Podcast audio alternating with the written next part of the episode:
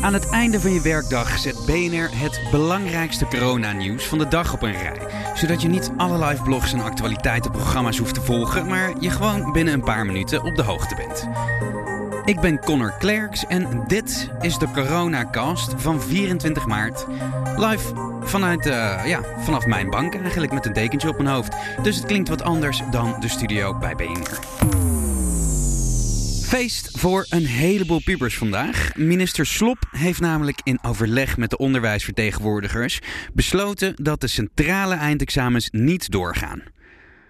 Scholen moeten op basis van de schoolexamens beslissen of een leerling wel of niet geslaagd is. De eindcijfers zullen bepaald worden op basis van de resultaten van het schoolexamen. Voor het afronden van de schoolexamens komt door dit besluit nu meer tijd en ruimte. Men kan tot begin juni nu de tijd nemen en de ruimte nemen om de schoolexamens af te ronden. Slop benadrukt wel nog even dat dit een volwaardig diploma is, al moet dat juridisch nog uitgewerkt worden.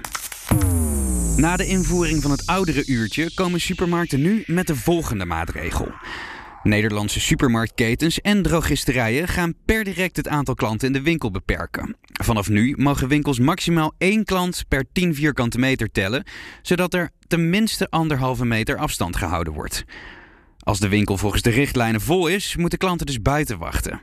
Winkelwagentjes worden verplicht en bij kleinere supermarkten die geen winkelwagens hebben, wordt het gebruik van een mandje verplicht. Dat is ook allemaal bedoeld om meer afstand te houden.